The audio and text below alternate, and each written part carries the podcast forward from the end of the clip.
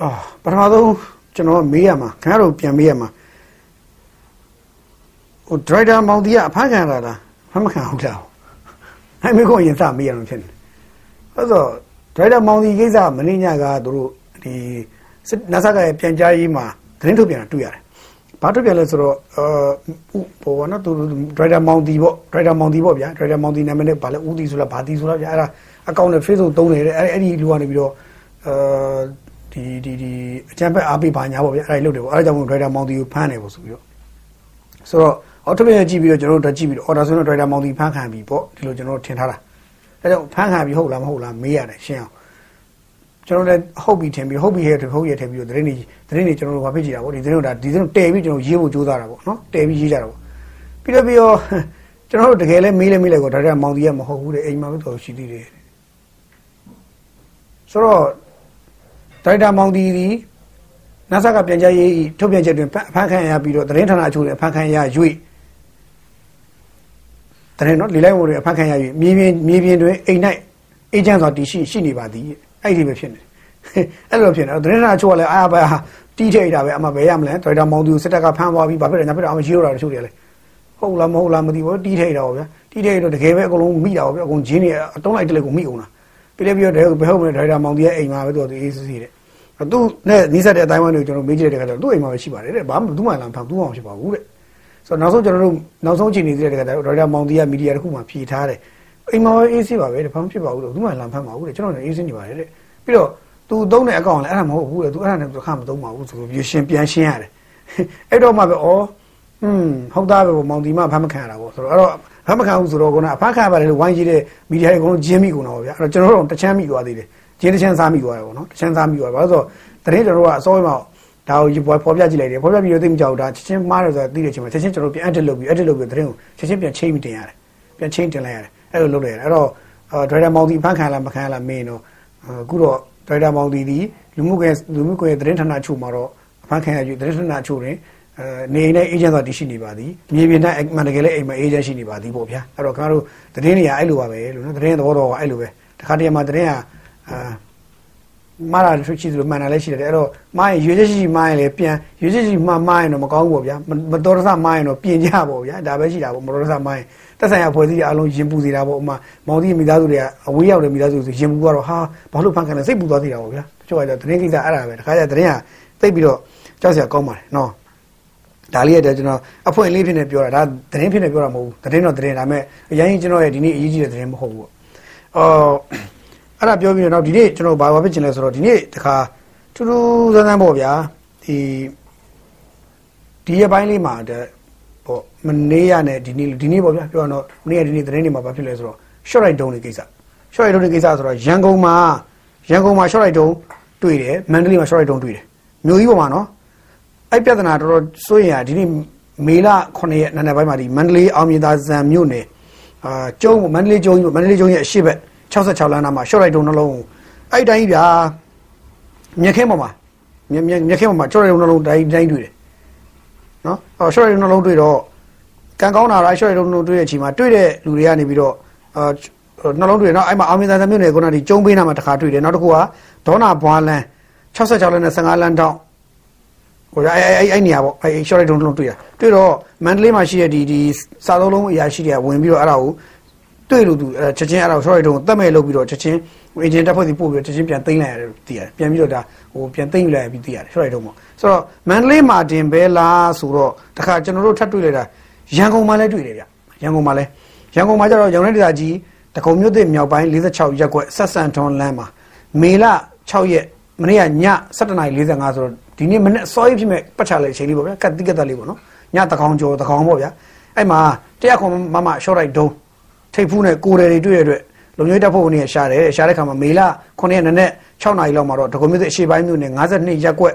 တကုံတက္ကသိုလ်နဲ့ကျန်းစစ်သားတရားကြားမှာတရားခွန်မမရှော့လိုက်ဒုံးတစ်ခုတင်ထားတဲ့တန်ဖရိန်တစ်ခုနဲ့တန်ဖရိန်တန်ဖရိန်တစ်ခုနဲ့ဒီတန်ဖရိန်အလွတ်တစ်ခုကိုတွေ့ရတယ်တဲ့ ဆိုတော့သဘောကတော့ရန်ကုန်မှာ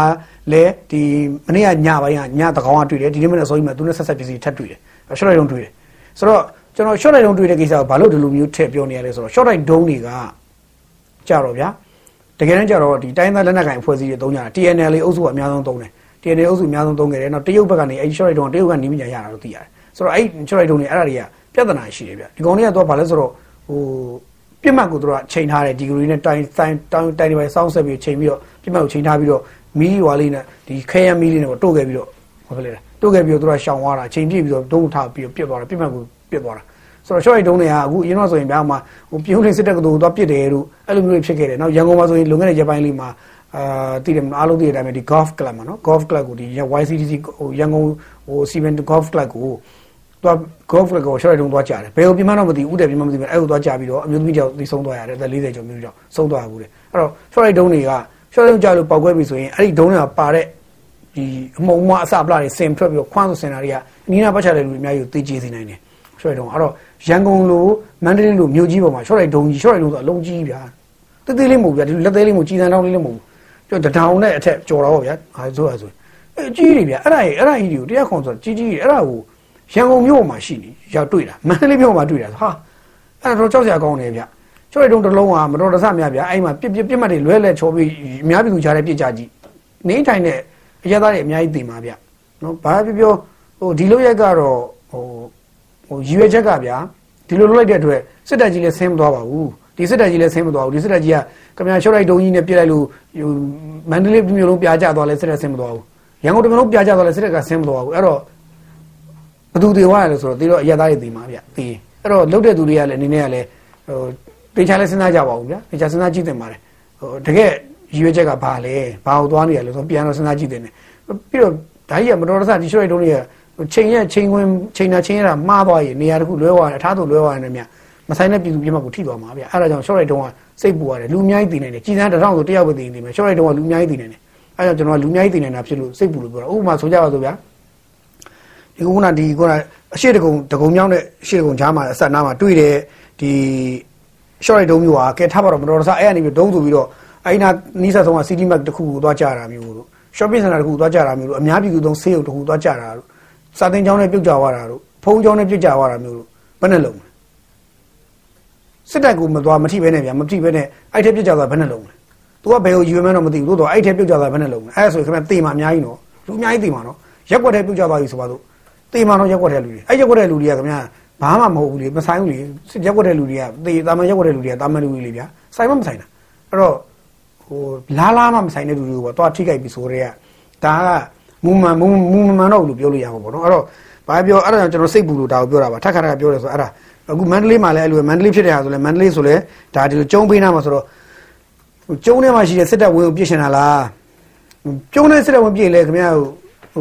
မြမဒီရှေ့သမိုင်းမွေနေကြီးတွေပဲပျက်စီးကုန်မွေလीဗျာစဉ်းစားကြည့်ရင်ပေါ့ဒီမန္တလေးကျုံကြီးဆိုတာဒါနိုင်ငံဒီနိုင်ငံရဲ့ဒါဟိုပုံရိပ်ကြီးတစ်ခုပဲလေအကြီးမားဆုံးပုံရိပ်ကြီးတစ်ခုပဲဒီနိုင်ငံရဲ့ပုံရိပ်ကြီးတစ်ခုပဲပြကြအကောင့်တွေပြတာအကြီးမားဆုံးပုံရိပ်ကြီးပဲဒီနိုင်ငံဟာဒီဘရင်စနစ်နဲ့တကယ်ကိုသမိုင်းကြောင်းဆင်လာကြီးမားခဲ့တယ်ဆိုတော့ပြစရာအကောင်းဆုံးသောအကြီးဆုံးသောပုံရိပ်ကြီးပဲဟာ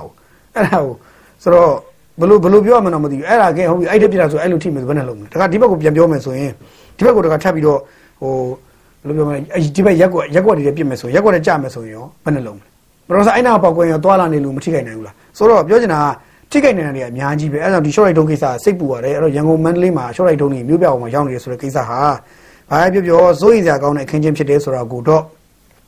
ကျွန်တော်ကမှထဲ့တော့ဟိုပြောပြောပြောတာပါဒါကိုထဲ့ပြောလိုက်တာပါအဲ့တော့ဒါလေးပြောပြီးတဲ့နောက်ကျွန်တော်ကဒီနေရာမှာနောက်တစ်ခုကတော့ဒီဒီနေ့အဓိကပြောမယ့် issue တွေနောက်ဆုံးမှကျွန်တော်ထပ်ပြောပါမယ်နော်မင်းသားနောက်ဆုံးမှလာရဲဆိုတဲ့အတိုင်းပေါ့ဗျာနော်အဲ့လိုပေါ့နော်နောက်ဆုံးမင်းသားချော့ကားတယ်ပေါ့နောက်ဆုံးနောက်နောက်ပိုင်းပြတ်ဆက်ပေါ့နော်အဲ့တော့အဲ့တော့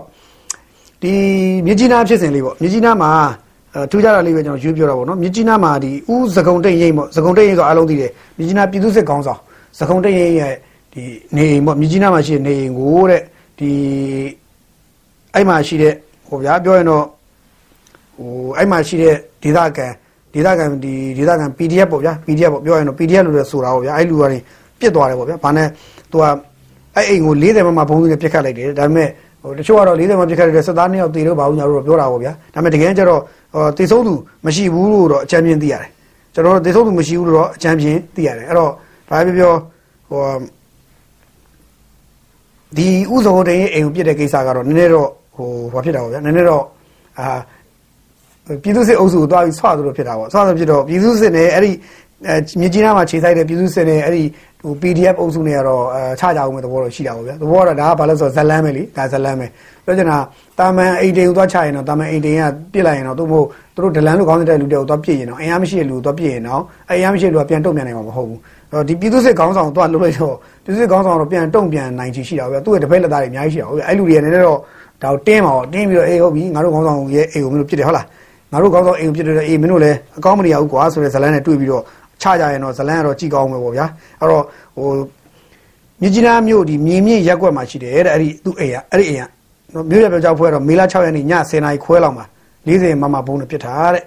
ဆိုတော့ဒီပြစ်ခံဘုံကဒီဥစခုတ်တရင်နေလည်းမနေဘူးအိမ်အဲ့ဒီအိမ်ကဥစခုတ်တရင်တခါမှမနေဘူးတခါတလေမှသူကနေတယ်ပြီးတော့ဒီအချိန်မှာသူကနေလည်းမနေဘူးစခုတ်တရင်ရအဲ့ဒီမှာမနေဘူးပေါ့ဗျာဒီမှာမရှိဘူးဆိုခမောက်လည်းသိတာပဲဆိုပြီးတော့အဲ့စခုတ်တရင်ရဲ့အဲအဖွဲ့ဝင်တူကတော့ပြောတယ်အဲ့တော့ဒီ လည်းမရှိဘဲနဲ့မရှိတဲ့အိမ်ကိုသွားပြစ်တာကတော့ပြစ်တဲ့အတွက်ဥစခုတ်တရင်လည်းတိုက်ရိုက်ထိခိုက်ကြအကြောင်းမရှိဘူးအဲ့တော့မဆိုင်တဲ့အဲဒီနာကလူကထိခိုက်တာပဲရှိတယ်ပြစ်ပြစ်တယ်ဆိုတဲ့သတင်းထွက်ရုံပဲသတင်းထုတ်နေတာပဲရှိတာနောက်ဆက်တွဲကဘာမှဘယ်သူမှဟိုရက်လက်ကကြီးကြီးမှမရှိတော့ဘူးပေါ့ဗျာပြောချင်အဲ့လိုဖြစ်တာပေါ့ဆိုတော့တေချာတော့ဒီပြည်သူစစ်နဲ့ဟိုကနေတော့အဲ့မှာမျိုးရပြောကြရနေတော့ဟိုမြကြီးနားမှာတော့အဲအချင်းချင်းပြန်ချကြမယ်ဇလန်းနေဟိုအချင်းချင်းမဟုတ်အဲ့ပါချကြမယ်ဇလန်းနေတော့ပေါ်လာအောင်မယ်လို့တော့ကျွန်တော်လည်းတွေးကြည့်မိတာပေါ့ဗျာနော်ဟိုလူတွေငြိမ်ခံမယ်တော့မထင်ပါဘူး နော်အဲအဲ့တော့ဒါလေးတခုပြောတာပေါ့နောက်တစ်ခုကတော့အဓိကကျွန်တော်တို့ဒီနေ့ပြောရမယ့်အကြောင်းအရာလေးတစ်ခုရှိတယ်အဲအဲ့ဒါကဘာလဲဆိုတော့ကျွန်တော်တို့ဒီငင်းချိုင်းညီလာခံပေါ့ဗိုလ်ချုပ်ကြီးမင်းအောင်လှိုင်ဖိတ်ထားတဲ့ငင်းချိုင်းညီလာခံကိုဘယ်သူတက်မှလည်းမတက်ဘူးလဲဆိုတဲ့ဟာလေးပါတက်မဲ့စီးရင်လေးတွေဒီပြောပါမယ်မတက်တဲ့စီးရင်လေးကျွန်တော်ဒီပြောပါမယ်ကျွန်တော်နောက်ဆုံးရထားတဲ့ information လေးတွေကျွန်တော်ပြောပါမယ်အဲ့တော့ဗိုလ်ချုပ်ကြီးမင်းအောင်လှိုင်ရဲ့ဒီမေလ9ရက်မတိုင်မီစီးရင်ပေးပါသူ့ရဲ့မိန်ကုန်းလေးပြောမယ်ဆိုရင်ပြန်ချုပ်မယ်ဆိုရင်မေလ9ရက်နေ့မတိုင်မီစီးရင်ပေးပါမေလ9ရက်မတိုင်မီမေလ9ရက်မှာစီးရင်ပေး9ရက်မှာ စီးရင်ပေးပြီးရင်အဲ့စီးရင်ကိုသူကယူပြီးတာနဲ့တွေ့မဲ့သူတွေကိုသူကရက်တတ်မှတ်ပြီးသူချိန်မှာတွေ့မဲ့သူတွေနဲ့တွေ့မဲ့သူတွေပြောမှာပေါ့ဒါပေမဲ့ကျွန်တော်ကျွန်တော်တို့ဘယ်ဖွဲ့ရဆိုရင်ဖြင့်ဘုရားကြီးမင်းအောင်လိုင်းရဲ့ဖိတ်ကြားချက်ကိုလာတွေ့မှာဖြစ်ပါတယ်တွေ့မှာဖြစ်ပါတယ်ဆိုပြီးပြောမယ်အဲ့တော့ကျွန်တော်တို့ရဲ့တွေ့နိုင်မယ့်ရက်ကတော့ဒီရက်ဒီရက်ကတော့ကျွန်တော်တို့အဆင်ပြေပါတယ်အဲအဲ့လိုသူတို့ပြောမယ်ဟိုဘက်ကလည်းဘေးရက်လောက်ကတော့အဆင်ပြေနေပါတယ်အဲ့တော့ရက်ကိုတော့အနည်းဆက်ထက်ညှိကြတာပေါ့အသေးစိတ်ဆိုတော့ရက်ညှိကြမယ်ဆိုတော့ရက်ညှိမယ်ဆိုတော့မေလ9ရက်မှာနောက်ဆုံးဆိုတာမဟုတ်ဘူးမေလ9ရက်မှာနောက်ဆုံးစီးရင်ပေး စင်းရင်ရပြီဆိုတာနဲ့အဲ့စင်းရင်ပါဝင်တဲ့လူတွေအကုန်လုံးကိုသူကဘယ်နှစ်ဘယ်ရက်မှာတော့အဆင်ပြေနေရှိရဲဆိုတော့အားလုံးရက်တစ်ခုကိုသတ်မှတ်လိုက်မှာရက်တစ်ခုသတ်မှတ်သည်ဒီမေလ9ရက်မှာစင်းပေးပြီးတဲ့နောက်မှာနောက်တစ်ပတ်အတွင်းမှာတော့တေချာပေါက်သူကတွေ့မဲ့ရက်ကဖြစ်နိုင်တယ်အဲ့တော့မေလ9ပြီးရင်နောက်တစ်ပတ်ဆိုတဲ့အတွက်မေလရက်20မကျော်ပြီမေ20မကျော်ပြီသို့မဟုတ်မေ20ပတ်ချလဲရက်ပိုင်းအတွင်းမှာမေနောက်ဆုံးပတ်မရောက်ခင်အတွင်းမှာတော့တေချာပေါက်ဒီပုံစံကြီးမင်းအောင်လိုင်းနဲ့အဲ့ဒီအဖွဲ့တွေတွေ့ဖို့ဖြစ်လိုက်ရရှိတယ်ဒါကကျွန်တော်တို့ခံမှန်းကြည့်ရတဲ့အချက်ပါဘာလို့ဆိုတော့မေ9မှာပြောပြီးပေးစင်းနောက်ဆုံးပေးပြီးသွားရင် တွေ့ဖို့မတွေ့ဘူးကအနိကနီးနီးဆက်ဆက်မြန်မြန်ဆန်တွေ့ရင်တွေ့မတွေ့ရင်ရက်ခွာတွေ့မလားဘာလို့မလဲဆိုတော့တို့ကညှိရအောင်ပဲပြအဲ့တော့မေ9မှာတွေ့မယ်လို့ပြောတာမဟုတ်ဘူးမေ9နောက်ဆုံးမတိုင်မစင်းပေးဖို့သဘောကတော့ခဏအားလုံးသဘောလည်းကြောင်းအပ်မဲ့ယာစီကဒီနေ့နောက်ဆုံးမှာကြောင်းအပ်မယ်ဆိုဒီနေ့နောက်ဆုံးအပ်အဲဒီနေ့အပ်ဒီနေ့အပ်ပြီးဒီနေ့ဒီနေ့အပ်ပြီးတော့ဒီနေ့တက်တာမဟုတ်ဘူးဒီနေ့အပ်ပြီးတော့ဒီနေ့တက်တာမဟုတ်ဘူးဒီနေ့အပ်ဘယ်နေ့ဘယ်မှာကြောင်းအောင်စားဖွင့်မှာအဲအဲ့လိုရှိသေးတယ်အဲ့သဘောပဲအခုကသူဘယ်နေ့ဘယ်မှာစင်းနောက်ဆုံးပေးဆိုတော့မေ9ရက်ထိသူကစောင့်အောင်မယ်အဲ့တော့ဆိုလိုတာကတော့မေ9ရက်စောင့်ဖြစ်တဲ့အတွက်ဒီနေ့ကမေ9ရက်အဲ8 9 မနက်ဖြန်ပြီးတပတ်ခါညအထိတပတ်ခါညအထိနောက်ဆုံးတပတ်ခါညအဲထားပါတော့ဗျာဟိုပြောမလို့တပတ်ခါည7နာရီအထိအကျုံးဝင်နေသေးတယ်ပေါ့နော်ည7နာရီအထိအကျုံးဝင်နေသေးတယ်အဲ့တော့ပြောရရင်နောက်ထပ်48နာရီအထိကြံနေသေးတယ်အေးစီစင်းရင်ကစဉ်းစားပြီးတော့ပေးမယ်ဆိုပေးမပေးလည်းမပေးဘူးစင်းရင်ကိစ္စစဉ်းစားနေလို့ရသေးစဉ်းစားဖို့အချိန်ရှိသေးတယ်ပေါ့ဗျာအဲ့တော့မေလ9ရက်နေ့ဒီစင်းရင်ပေးမယ်စင်းရင်ပိတ်မယ်နောက်ဆုံးပိတ်မယ်စင်းရင်ပိတ်ပြီးတာနဲ့နောက်ဆုံးတက်နောက်ဆုံးသတ်မှတ်တဲ့ရက်တစ်ခုက ထွက်လာမယ်အဲ့ကြရင်အဲ့လူတွေအကုန်လုံးကနေပြီးတော့သွားမယ်နေပြီးတော့မှစုံမယ်စုံပြီးတော့စကားပြောကြမယ်ပြီးရင်ရလာတစ်ခုထွက်လာတဲ့သူတို့စကားပြောပြီးတဲ့နောက်မှာနောက်ဆက်တွဲဖြစ်နေအာဒီဒီဒုရဘုရားပြည့်လို့လည်းပါမယ်ပေါ့ဗျာအဲ့ဒီပါမယ်အဲငင်းချိုင်းလုပ်ငန်းစဉ်ပတ်သက်ပြီးတော့သူတို့ဆွေးနွေးမယ်ဆွေးနွေးပြီးတော့တဲ့အခါကျွန်တော်တို့ဒီတွက်ဆရတဲ့အချက်ပေါ့နော်ကမ္ဘောဒီးယားကဒီမြန်မာနိုင်ငံဆိုင်အထူးကိုယ်စားလှယ်ဖရက်ဆိုဖုန်းကိုလည်းမြန်မာပြည်ကို သူ့ကိုဖိတ်မယ်အဲ့ဒီရက်တွေမှာဖိတ်မယ်ဖိတ်ပြီးတာနဲ့သူကလာလာပြီးတာနဲ့အဲ့ဖရက်ဆိုဖုန်းကတိုင်းသားလက်နက်ကအဖွဲ့အစည်းတွေတစ်ဖွဲ့ချင်းနဲ့သူတွေ့ချင်တယ်တစ်ဖွဲ့ချင်းတွေ့မယ်သို့မဟုတ်တစ်ဖွဲ့ချင်းကပရဆိုကတစ်ဖွဲ့ချင်းတွေ့ချင်ပါဆိုတော့တွေ့မယ်သို့မဟုတ်အဖွဲ့လိုက်ပြုံလိုက်တွေ့မယ်ဆိုလည်းပြုံလိုက်တွေ့မယ်အဲ့ဒီတွေ့ဖို့ဆုံးမှုကိုလည်းစီစဉ်ပေးမယ်သဘောကိုမြင်ရတယ်ဒါကြောင့်ပရဆိုကလည်းမကြာမီသတင်းပတ်အတွင်းမှာမပြူလာဖို့ရှိပါတယ်လို့သူကပရဆိုကလည်းပြောထားတယ်အဲ့တော့တေချာတာကတော့ဒီလာမယ်တွေ့ကြမယ်လူတွေရှိမယ်ဟိုဟိုနေပြီးတော့မှတနင်္လာဝိုင်းစုံစုံဆုံးကြမယ်စကားပြောကြမယ်ဟာတွေရှိမယ်အဲ့မှာ အာသဘောတူညီမှုအချို့ထွက်လာနိုင်ခြင်းရှိတယ်ကဲအဲ့တော့ဒါဒါဒါလုပ်ငန်းစဉ်ကိုပြပြတာပေါ့အဲ့တော့လုပ်ငန်းစဉ်ပြောပြီးတဲ့နောက်မှာတွေ့နိုင်ခြင်းရှိတဲ့အဖွဲ့တွေ့နိုင်ခြင်းမရှိတဲ့အဖွဲ့ပြီးလို့ရှိရင်ကျွန်တော်တို့ဒီမှာဒီနိုင်ငံရဲ့ဒီမတွေ့ဘူးလို့သဘောထားတောင်းခံထားတဲ့အုပ်စုတွေတဲကနေပြီးတော့အင်အားကြီးအဖွဲ့ကြီးနှစ်ဖွဲ့ရဲ့ history လေးနဲ့အနေငယ်လေးကိုကျွန်တော်လူတွေစဉ်းစားနိုင်စရာလေးဖြစ်အောင်ပြောပြပါမယ်အဲ့တော့တက်မယ်လို့ခိုင်ခိုင်မာစင်းခိုင်ခိုင်မာစင်းထွက်လာတဲ့အဖွဲ့ကတော့ကျွန်တော်တို့ NDAA မိုင်းလာအဖွဲ့ပေါ့နော် NDAA မိုင်းလာအဖွဲ့ပြီးတော့ကိုကန့်အဖွဲ့က ကိုကန့်အဖွဲ့ MNDAA ဆိုတာရှိသေးတယ်သူကအဲ့ဒီမှာလည်းပြဿနာ NDAA နဲ့ MNDAA ဆိုပြီးနည်းနည်းလေးကိုယ်ရနေသေးတယ်ဗျအဲ့ဒါလေကျွန်တော်လည်းအဲ့ဒါတော်တော်လေးတော့တချို့တွေရုပ်တက်ဆိုရင်တစ်ဖွဲ့လေးလို့ရုပ်တက်ထင်တယ်တူတူလိုနဲ့မတူတာ NDAA နဲ့ MNDAA ဟိုမိုင်းလာနဲ့ကိုကန့်ပေါ့ဗျအဲ့တော့အဲ့တော့အဲ့တော့ MNDA ကတော့တမတမသိဘူးဒါပေမဲ့တေချာခုလက်ရှိစင်းပေးနေတော့ NDA ဆိုတဲ့မိုင်းလာဖွဲ့ပေးတယ်နောက် DKBA ကလည်းပေးတယ် နောက်တစ်ခါ KNU KNL PC ကလည်းပေးတယ်နောက် NMSP ဆိုတဲ့မောင်ကလည်းပေးတယ် PNL ဆိုတဲ့ဟိုဟိုပအိုးကလည်းပေးတယ်ဒါဒါသူတို့စုစုပေါင်းပြောရင်တော့1 2 3 4 5အဲ့တော့5ဖွဲ့ကစင်းပေးထားပြီးဖြစ်တယ်အာ၅ဖွဲ့ကတော့တက်မယ်လို့သုံးဖြတ်ထားတဲ့သဘောရှိတယ်နောက်ထပ်ဖွဲ့တက်မဲ့ဖွဲ့တွေလည်းကြံကြံသေးတယ်လို့ကျွန်တော်တို့တက်ဖို့နိစ္စဆုံးဖွဲ့တွေလည်းရှိသေးတယ်လို့ကျွန်တော်တို့သိရတယ်အဲ့မှာဘာတွေပါလဲလို့မေးရင် ဖြစ်နိုင်ရရှိဆုံးတက်နိုင်ရရှိဆုံးဖွဲ့စည်းတွေပေါ့နော် UWSA ဝဝအဖွဲ့ကလည်းတော်တော်စဉ်းစားနေပုံရတယ်နောက်တစ်ခါ RCSS ကလည်း RCSS ကလည်းအဲတက်နိုင်ကြီးရှိရဲဆိုတဲ့သဘောမျိုးသတင်းစကားရှိတယ် RCSS ပေါ့နော်အဲ့တော့နောက် ALP လို့ခေါ်တဲ့ ALP ALP ကတော့တက်မယ်လို့ပြောပါတယ် ALP ကတော့ဟိုရခိုင်လူမျိုးရေးတက်မှာတော့ဗောနော် ALP ကတော့သူကတော့ ALP တက်မယ်ပေါ့ဗျာအဲ့တော့ကျွန်တော်ပြန်ပြီးနောက်တစ်ခါ repeat ပြန်လုပ်ရရင် ALP တက်မယ်လို့ပြောတယ် DKBA ကတက်မယ်လို့ပြောတယ် KNU KNL PC ကတက်မယ်ပြောတယ် NMSP ဆိုတဲ့မောင်ကတက်မယ်လို့ပြောတယ် PNL ကတက်မယ်လို့ပြောတယ်နောက်တစ်ခါခုန NDAA ကလည်းတက်မယ်လို့ပြောတယ်6ဖွဲ့ရှိသွားပြီပေါ့အဲ့တော့ဒါတက်မယ်လို့ပြောတဲ့အဖွဲ့ပေါ့အဲ့တော့တက်နိုင်ချေရှိတယ်ဆိုတဲ့အဖွဲ့က UWSA RCSS SSPB SSA နောက် ABSDF MNDAA အဲ့ဒီနောက်ထပ်၅ဖွဲ့ကလည်းတက်နိုင်ချေရှိတယ်လို့သိရတယ် AA ကလည်းနည်းနည်းစဉ်းစားနေပုံရတယ်လို့ကျွန်တော်ချမ်းမြင်သိရတယ် AA ကလည်း AA ကစဉ်းစားနေပုံရတယ်လို့သိရတယ် AA ကတော့ yes or no မပြောသေးဘူး AA လည်းစဉ်းစားနေပုံရတယ်လို့သိရတယ်ရခိုင်မှာရှိတဲ့တိုင်းသားနိုင်ငံရေးခေါင်းဆောင်တွေကလည်းဖြောင်းပြနေကြတယ်လို့ကြားတယ်အဲ့တော့ဘယ်လိုပဲဖြစ်ဖြစ် AA ကလည်းနည်းနည်းလေးသူတို့စဉ်းစားနေတယ်လို့သဘောကျတယ်ဘာလို့ဆိုတော့ तू က तू ကဘာလို့စဉ်းစားနေရလဲမင်းတစ်ဖက်မှာသူ့ရဲ့သူ့ကိုမွေးထုတ်ပြလိုက်တဲ့မွေးထုတ်ပြလိုက်တဲ့ KIA ကမတက်ဘူးလို့ပြောရတဲ့အချိန်မှာ AA ကတက်မယ်လို့ပြောရင် KIA နဲ့သူတို့ကြားမှာဘာဖြစ်မလဲဘယ်လိုများသူတို့စိတ်ထဲမှာတပြည့်ဖြစ်သွားမလားမဟာမိတ်ကကြားထဲမှာနည်းနည်းလေးဟို တန်တဲ့ဟိုချင်းချင်းကြားမှာစိတ်မဝင်ကွဲစရာဖြစ်မလားဆိုစိုးရိမ်မှုလည်းစဉ်းစားဖို့ရတယ်ဒါကြောင့်ခုန AA ကအများကြီးချိန်ပြီးစဉ်းစားနေဖို့ရတယ်သို့တော့ AA AA ကလည်းတက်ဖို့တော်တော်လေးစဉ်းစားနေတယ်လို့ကြားပါတယ်နောက်မတက်ဘူးလို့တိကျခိုင်းမှာပြောနေတဲ့အဖွဲ့ကတော့ KIA KIA အုပ်စုနောက် KIA CNF KNPP အဲ့သုံးခွဲကတော့လုံးဝမတက်ဘူးလို့တိကျပြောပါတယ်နောက်ဒီလာဟုအဖွဲ့ပေါ့ LDU ဆိုတဲ့လာဟုအဖွဲ့ကတော့အာဒီတက်ဖို့တော့သိမသေးချာဘူးဒါပေမဲ့တက်မယ်မတက်ဘူးပြောဘူးတက်ဖို့တော့သိတော့မသေးချာပါဘူးတဲ့အဲ့လိုပြောတယ်တက်မယ်တော့မဟုတ်ဘူးမတက်ဘူးလည်းမဟုတ်တော့ တက်ဖြစ်ဖို့တော့သိမသေးချာဘူးဆိုတဲ့သဘောမျိုးတော့ပြောတယ်ဆိုတော့ဒီမမထန်ထန်နဲ့သုံးဖွဲ့ကတော့ပြောနေနောက် KNU ပေါ့အဲ့မှာကျွန်တော်တို့ဒီမှာကွဲတဲ့ချက်ပေါ့နော် KNU KNLPC နဲ့ KNU နဲ့မတူဘူးလားတူလားဆိုတဲ့မိကုန်းပေါ့အဲ့ဒါကတော့ဇလန့်ရှိသွားပြီဟောအဲ့ဇလန့်ရှင်းဖြစ်သွားပြီပြောရင်မတူဘူးလို့လည်းပြောလို့ရတယ်တူတယ်ပြောလို့ရတယ်တော့ဒီဇလန့်နည်းနည်းရှိတယ်ခါတချို့ဒီကရင်အကြောင်းကောင်းကောင်းသိတဲ့လူတွေကတော့လေ့လာမှုတဲ့လူတွေတိုင်းသားရေးမှာ KNU အကြောင်းကိုထက်တဲ့ဝန်တရားလေ့လာလူတွေတောင်မှပဲဒီကိစ္စကနည်းနည်းရှုပ်ထွေးနေတယ်လို့ခေါ်တယ်ဟို confuse ဖြစ်စေတဲ့ ဒီအဖွဲ့အစည်းလည်းဖြစ်တဲ့ KNU အုပ်စုကကရင်ပေါ့နော်ကရင်ကရင်လက်နက်ကိုင်အုပ်စုကအစုအဖွဲ့အကွဲပေါင်းများစွာနဲ့ကွဲနေကြတာဖြစ်တယ်အဲ့တော့ကွဲနေဖြစ်တဲ့အတွက်ဒီပြောရတာနည်းနည်းတော့ခက်တယ်အဲ့တော့ဟို KNU ရဲ့ဗဟိုပေါ့ဗျာအခုအားလုံးသိနေတဲ့ KNU ဗဟိုပေါ့ KNU ရဲ့ဘဝအောက်မှာရှိတဲ့ KNLA KNLA လို့ခေါ်တဲ့တစ်ဖွဲ့ရှိတယ် KNDO ဆိုတာရှိတယ်အဲ့တော့တကယ်တော့ KNU ရဲ့အစောဆုံးတက်က KN KNDO ပါနောက်မှ KNLA ဆိုထပ်ပြီးဟောပြတာပါအဲ့တော့ KNLA နဲ့ KNDO တို့က နဲ့နောက်တစ်ခါသူတို့ရဲ့ဒီဘ ਹੁ ပေါ့ဘ ਹੁ အလုံးမှုဆောင်အဖွဲ့တွေရဲ့ဒီဘ ਹੁ ဥက္ကဋ္ဌပေါ့ဗျာဥက္ကဋ္ဌဥက္ကဋ္ဌအခုတော့ပါတီဆုံးမှုစုဖို့သူတို့ဥဆောင်တဲ့ဥက္ကဋ္ဌအဖွဲ့တွေရဲ့သူတို့အစည်းအဝေးတွေမှာဆုံးဖြတ်ချက်တွေမှာတော့ဒီသဘောထားအရဆိုရင်တော့69.9ရာခိုင်နှုန်းသောသူတွေကလုံးဝလုံးဝဒီစစ်တပ်နဲ့လုံးဝမဆွေးနွေးဘူး။ဒါပေမဲ့အဲ့ထဲမှာတယောက်ကတော့ခြုံထွက်ပြီးတော့ပါတီစုံမှုလူစစ်ဖို့နဲ့တချို့ကတော့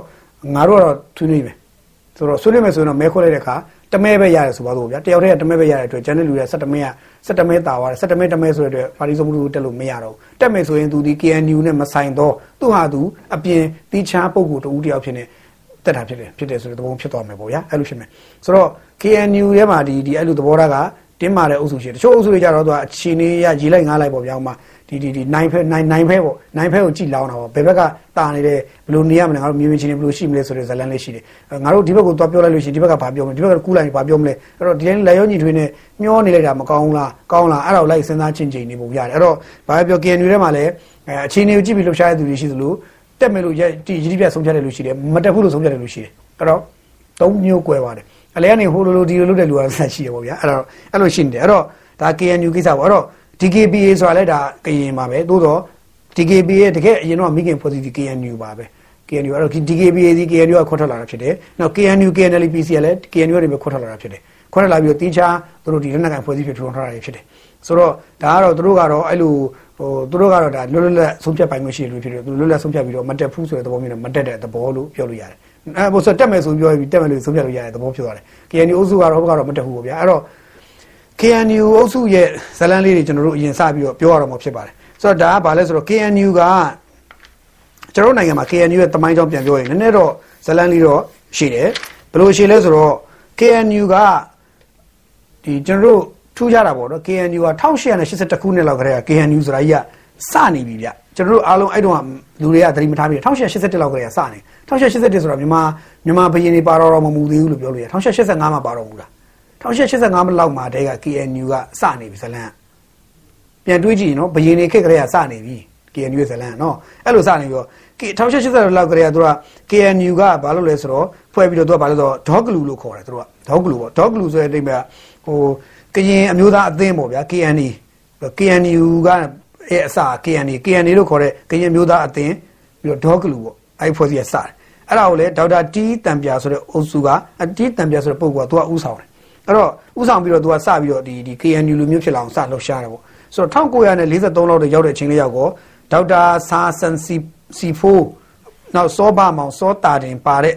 အဖွဲ့တွေကနေပြီးတော့ KCO ဆိုပြီးထပ်ဖွဲ့လိုက်တယ်နောက်သူက KCB KKCAB ဆိုပြီးဖွဲ့တယ်နောက်ပြီးတော့ KCO ဆိုပြီးထပ်ဖွဲ့တယ်အဲ့မှာလည်းတခါစောတာတင်ဆရာတာထိုးစောပါဦးအဲ့လိုပါလာပြီးတော့1943လောက်မှာတော့နည်းနည်းသူတို့ကဒီလွတ်လပ်ရေးနဲ့အတူတွဲပြီးတော့အစပြန်ပေါ်ထပ်ပေါ်လာတယ်ပေါ့ဗျာအဲ့တော့ပြောရရင်တော့ဟိုတော်တော်တော့ ဟိုသူတို့ကတော်တော်တော့စောတယ်ပြောပြောရင်တော့မြန်မာနိုင်ငံလွတ်လပ်ရေးမတိုင်မီကတည်းကသူတို့ကရှိနေတဲ့အဖွဲ့အစည်းဖြစ်နေတာတော့တွေ့ရတယ်နော်တခါ1946မှာတော့သူတို့ဒီစောပါဦးကြီးတို့ဥဆောင်ပြီးတော့သူကအဖွဲ့က KN အဲသူတို့ကတော့အဲ့တော့ K KCO ပေါ့ဗျာအဲ့ဒီဖွဲ့ကနေပြီးတော့ဘာသွားလို့လဲဆိုအင်္ဂလန်ကိုသွားတယ်ဗြိတိန်သွားပြီးတော့သူတို့ကရင်ပြည်နယ်ကိုလွတ်လပ်ခွင့်ပေးဖို့လွတ်လပ်ခွင့်လွတ်လပ်ရေးရဖို့ဆိုသွားတောင်းဆိုတယ်တောင်းဆိုခဲ့တယ်တောင်းဆိုခဲ့တော့ဟိုဘက်ကတော့ဟိုအင်္ဂလိပ်တွေဘက်ကတော့ရှင်းရှင်းလေးပြောရရင်တော့ဗျာဒီမှာဘူဂျုံဆန်းတို့ကလည်းဝိုင်းကျူးသားနေတဲ့အချိန်ဆိုဘူဂျုံဆန်းတို့နဲ့အုပ်စုနဲ့သွားပေါင်းရင်ပေါ့မပေါင်းရင်တော့ ဒီကောင်တွေကိုမပေါင်းဘဲနဲ့တီးခြားခွဲပေးလိုက်မလားဒါမှမဟုတ်ဘာနဲ့လုပ်မလဲဆိုတော့သူတို့ရဲ့ဒီအင်္ဂလိပ်တွေရဲ့သူခွဲအုပ်ချုပ်ရေးမူပေါ့အဲ့မူကိုကင်ပြီးတော့သူကညှက်ပြီးတော့ထည့်ထားပြီးသားဖြစ်တယ်ဟိုဘက်ကတမျိုးပြောဒီဘက်ကတမျိုးပြောမျက်နှာနှစ်ခွနဲ့ပေါ့ဗျာမျက်နှာနှစ်ခွနဲ့ဒီဘိုးကျောင်းဆန်းတို့အုပ်စုကိုတမျိုးပြောဒီကရင်အုပ်စုတွေကိုတမျိုးပြောရှမ်းအုပ်စုတမျိုးပြောကချင်ကိုတမျိုးပြောချင်းကိုတမျိုးပြောနဲ့သူကမျက်နှာနှစ်ခွနဲ့လိုက်ပြီးတော့သူကခေါင်းဆယ်လုံးများပါတဲ့ပဒတ်တဂီရီများတကယ်လို့ပေါ့ဗျာသူကခေါင်းဆယ်လုံးလောက်ပါတဲ့ဟာနဲ့သူကမျက်နှာမူရမျက်နှာခေါင်းဆယ်လုံးပါတဲ့မျက်နှာနဲ့သူတို့က လိုက်ပြီးတော့ပြောတယ်ပေါ့ဗျာအဲ KNU KNU ကလည်းအဲ့လိုမျိုးနဲ့ဟိုစောပိုက်ဦးကြီးတို့ကသူကအဲ့လိုပြောခဲ့ပေမဲ့သူတို့ဘာမှဟိုမဖြစ်ထွန်းလာခဲ့ဘူးပေါ့ဗျာဘာမှသူတို့လွတ်လပ်မှုမဖြစ်ထွန်းလာဘူးအဲ့တော့1948လောက်လည်းရောက်တော့ KNU ဆိုပြီးတော့အတိလင်းစပေါ်လာတယ် KNU ဆိုဖြစ်လာတယ်အဲ့တော့ပြောရင်တော့ KNU ဖြစ်ဖို့အတွက်ကိုစောဘဦးကြီးကပဲစပြီးဥဆောင်ခဲ့တာလို့ခေါ်လို့ရတယ်အဲခုနဒီဒေါကလူတို့ဖြစ်တဲ့အချိန်ဒေါက်တာတီးတန်ပြတော့အုပ်စုကြတော့သူကဒါအသင်းဖွဲ့ကနေပဲစတာဟိုကကြတော့သူကတကယ်ကို KNU ဆိုတဲ့ဒီလူဒီနေ့အားကောင်းတဲ့စုဖွဲ့ကြီးဖြစ်လာဖို့ ဒီစောဘဦးကြီးကနေပြီးတော့သူကအဖွဲ့လေးဖွဲ့ကိုတော့ပေါင်းပလိုက်ရတယ်ခုနဒေါကလူဆိုတဲ့ KNU ကိုဒေါကလူဆိုတဲ့ KNA နောက်ဒီဗုဒ္ဓဘာသာကရင်အမျိုးသားအဖွဲ့ချုပ် BKNA နောက်တစ်ခါ KCO လို့ခေါ်တဲ့ကရင်ဗဟိုအဖွဲ့နောက်တစ်ခါကရင်လူငယ်အဖွဲ့ဆိုတဲ့ KYO အဲ့လိုလေးဖွဲ့ပေါင်းမှတော့ KNU ဆိုတာကြီးဖြစ်လာတယ်ဖြစ်လာပြီးတော့မှသူကအဲ့ဒီဖြစ်လာတဲ့ဟာရဲ့ပထမဆုံးသောဥက္ကဋ္ဌကတော့သူကသူကစောတာတင်ဆိုတဲ့ပုဂ္ဂိုလ်ကသူဥက္ကဋ္ဌတာဝန်ထမ်းဆောင်တယ် KNU ကအဲ့လိုထမ်းဆောင်ပြီးတော့မှသူကဒီထမ်းဆောင်ပြီးတော့မှသူကအဲ့ကရင်တွေကဘာလုပ်လဲဆိုတော့ အောင်ဆန်းအက်ဒလီစာချုပ်ကျွန်တော်တို့1949မှာချုပ်တဲ့အောင်ဆန်းအက်ဒလီစာချုပ်ကိုအာကန့်ကွက်တယ်သူတို့ကအောင်ဆန်းအက်ဒလီစာချုပ်ကန့်ကွက်တယ်အောင်ဆန်းအက်ဒလီစာချုပ်ကန့်ကွက်တယ်ဆိုတာရှင်းရှင်းပြောရင်တောင်တန်းပြည်မှာအတူတကွလွတ်လပ်ရေးယူတယ်ဆိုတဲ့ဟာကိုကန့်ကွက်တာလုံးဝလက်မခံဘူးသူတို့ကသူတို့လွတ်လပ်ရေးယူမယ်အဲ့လိုမျိုးသူတို့ကကန့်ကွက်တာအဲ့တော့တကယ်တော့အင်္ဂလိပ်တွေအစကတည်းကသူတို့နိုင်သူတို့ဒီတိုင်းရင်းသားနယ်မြေတွေရှမ်းတို့ကရင်တို့ကရတို့အဲ့လိုပေါ့နယ်တွေအကုန်လုံးကိုသူကဒီကရတော့ကရတော့အဲ့တုန်းက ဟိုလိုလိုဒီလိုလိုအလေကောင်ခွနေပျောက်နေတဲ့နေမြေသေးသေးလေးပေါ့ဗျာထားပါတော့ကြရတချို့ပဲပြောတယ်ကြရသူတို့ကလွတ်လပ်ရေးသူတို့သူတို့ကတခါမှအင်္ဂလိပ်ကြုံမဖြစ်ခဲ့ဘူးပေါ့အဲ့လိုတော့သူတို့ပြောတယ်ဒါပေမဲ့ဘလို့ဖြစ်သူကဒီမြန်မာနိုင်ငံ territory ကြောင့်ပြောမယ်ဆိုရင်ကြရလည်းပါတာပဲလေဗျာနော်အဲ့တော့ထားပါလိဒါကတော့မငင်းပါဘူးတမိုင်းဆိုတာတမိုင်းကြောင့်ပြောရင်ဓာတ်ထန်းချင်းလို့မဆုံးဘူးဗျအဲ့တော့ထားတော့လေအဲ့တော့ဒီအင်္ဂလိပ်တွေအစတည်းကအဲ့ဒီတောင်ဗမာပေါ့နော်ဗမာပေါ့ဒီမြန်မာနိုင်ငံလွတ်လပ်ရေးပေးမယ်ဆိုတဲ့နေရာမှာသူကတောင်တန်းပြည်မကိုခွဲထုတ်လိုက်တယ် ပြီးမှတော့လွတ်လိုက်ပေးမယ်တောင်တန်းတော့230ဆက်ထားအောင်မယ်ဆိုတော့ရီမန်ချက်အင်္ဂလိပ်တွေမှာရှိပြီးသားအဲကြောင့်သူကအဲ့ရီမန်ချက်နဲ့သူတို့ကတစ်ဖက်တိုင်းသားကောင်းဆောင်တွေရဲ့ဂျင်းတွေကိုသူကတတ်ရှုမှုတွေအမြဲထည့်တယ်သွေးခွဲမှုတွေအမြဲထည့်တတ်ရှုမှုတွေအမြဲလုပ်တယ်လုပ်လို့ရှိတယ်အဲလုပ်တယ်လုပ်တဲ့အကြောင်းလဲကျွန်တော်တို့ဒီသမိုင်းဆိုင်ရာထောက်ထားတွေကိုသေချာလိုက်ရှာဖတ်ကြည့်တွေ့ပါလိမ့်မယ်ကျွန်တော်လည်းစာအုပ်တွေ5 6အုပ်လောက်ပေါင်းဖတ်ပြီးမှပဲအခုဒီနေ့စကားကိုထွက်ရတာဖြစ်တယ်မဟုတ်ရင်ကျွန်တော်လည်းမထွက်နိုင်ဘူးဘာလို့အချက်လက်မိုင်းနဲ့ကျွန်တော်ပြောလို့မရဘူးလေ။နောက်အချက်လက်ကိုပြန်ဖတ်ကြည့်တော့ပေါ်ပါတယ်။ เนาะအချက်လက်အနည်းဆုံးစာအုပ်3လေးကိုတော့ပေါင်းဖတ်လိုက်ရင်တော့အင်္ဂလိပ်တွေလောက်ခဲ့လားမလောက်ခဲ့လားပေါ်တာပါဗျာเนาะโอเคအဲ့တော့အာအဲ့လိုအောင်ဆန်းအဒီစာချုပ်ခွက်ဟိုကန့်ကွက်ပြီးတော့တော့ပါလို့ကရင်ပြည်နယ်တိကျခွက်ထွက်ခွင့်ဆိုတာတောင်းတယ်ကရင်ပြည်နယ်မှာတိကျခွက်ထွက်ခွင့်တောင်းသလိုပြည်နယ်တိကျခွက်တောင်းသလိုကရင်တက်မတော်ထားရမယ်ကရင်ပဲကရင်တက်မှာကရင်တက်မတော်တစ်ခုရှိရမယ်ဆိုတော့သူတို့ကအဲ့ဒီရည်မှန်းချက်ရှိခဲ့ကြတယ်အဲ့တော့ အဲ့လိုရှိနေရင်းနဲ့ပဲ1948ခုနှစ်ဧပြီလမှာတိုင်းပြူပြည်ပြူလွှတ်တော်ကြီးဆိုတာပေါ်လာတယ်အားလုံးသိတဲ့အတိုင်းပဲဥနုတို့ဘုံကျောင်းဆန်းကိုယ်တိုင်လည်းဒီဥနုကိုရွေးကောက်ပွဲဝင်ခိုင်းခဲ့တဲ့1948ခုနှစ်တိုင်းပြူပြည်ပြူလွှတ်တော်ဧပြီလကြီးမှာပေါ်လာတဲ့အချိန်မှာကရင်ထဲမှာတခါနှစ်ချမ်းကွဲသွားတယ်ပေါ့ဗျာနှစ်ချမ်းကွဲတယ်ဆိုတာဒီငါတို့တိုင်းပြည်ပြည်လွတ်တော်ဝင်ရမယ်ဆိုတဲ့အုပ်စုနဲ့မဝင်ဘူးကွာဆိုတဲ့အုပ်စုရှိတယ်အဲ့လိုနှစ်ချမ်းကွဲတယ်ဆိုတော့ဝင်ရမယ်ဆိုတဲ့အုပ်စုကတော့ဘယ်သူကွာလဲဆိုတော့ဒီမဝင်ဘူးလို့ပြောချင်တာကတော့စောဘဦးကြီးနဲ့မန်မန်ဘဆန်တို့ကမန်ဘဆန်မန်ဘဇန်ပေါ့သူကမဝင်ဘူးသူတို့က သူတို့ဥဆောင်တဲ့အုပ်စုကမဝင်ဘူးအာမန်ဘခိုင်နဲ့စောဆန်ဖို့တင်ကဝင်မယ်အဲ့မှာစအောင်ဇလန်ဝင်မယ်ဝင်ဘူးဆိုရင်သဘောထားကွဲကြတယ်ကွဲနေနောက်ဆုံးမှာတော့ဒီမန်ဘခိုင်တို့အုပ်စုကအာသာနီခေါင်းဆောင်ကြီးပေါ့ဗျာဗါတဲ့အုပ်စုကသူကရွေးကောက်ပွဲဝင်လိုက်တယ် KYO ဆိုပြီးတော့သူကပြန်ဖွဲ့လိုက်ပြီးတော့အဲ့ဒီခွတ်ထွက်လိုက်ပြီးဝင်လိုက်တယ်ဝင်ပြီးတော့မှနောက်ဆုံးမှာတော့သူတို့ကအဲနောက်ဆုံးမှာရွေးကောက်ဝင်ပြီးတော့သူတို့ကဒီအစိုးရဖွဲ့ဝင်ကြီးဖြစ်လာတယ်ဒီကရင်ပမာစီယုံကြီးအဲကရင်ပမာစီလုံးကြီးတွေကိုသူတို့အသက်အတန်လိုက်လို့တော့ဗျာအဲ့မှာကရင်ပမာအထီးယုံတွေလည်းကြီးကျယ်ဖြစ်ကြသေးတယ်နောက်လွတ်လပ်ရ အဲဒါတော့မမခိုင်ပြီးတဲ့အချိန်မှာဥနုခင်မှာဗျာဥနုခင်မှာပေါ့ဆိုတော့ဟိုအကြီးတော့ရှိတယ်ဗျာအဲ့ဇလန်တွေကတော့အထဲမှာတော့တပုတ်လို့ရှုပ်ထွေးနေတဲ့ဇလန်တော့ရှိခဲ့ပါတယ်အဲ့တုန်းကတည်းကရှိခဲ့တယ်တခါအဲ့ဒီမှာ1948မှာပဲသူကဇူလိုင်လမှာပဲမန်ပါဇန်တို့ကဥဆောင်ပြီးတော့ဟို KNDO ဆိုပြီးတက်ဖို့စဖွဲ့တယ်အဲ့ကရင် KNU ရဲ့ပထမဦးဆုံးတက်မတော်ဖြစ်နေသူက KNDO ဆိုစဖွဲ့တယ် ဖွဲ့တယ်အဲ့တုန်းကလည်းအင်အား1000ကျော်ရှိခဲ့တယ်ရှိပြီးတော့သူကဘာလဲဆိုတော့1949လောက်မှာတော့စပြီးအစိုးရနဲ့တိုက်ပွဲတွေဖြစ်တယ်အားလုံးသိတဲ့အတိုင်းပဲလွတ်လပ်ရေးရပြီးတဲ့နောက်ကျွန်တော်တို့ရန်ကုန်မှာအဲအင်းစိန်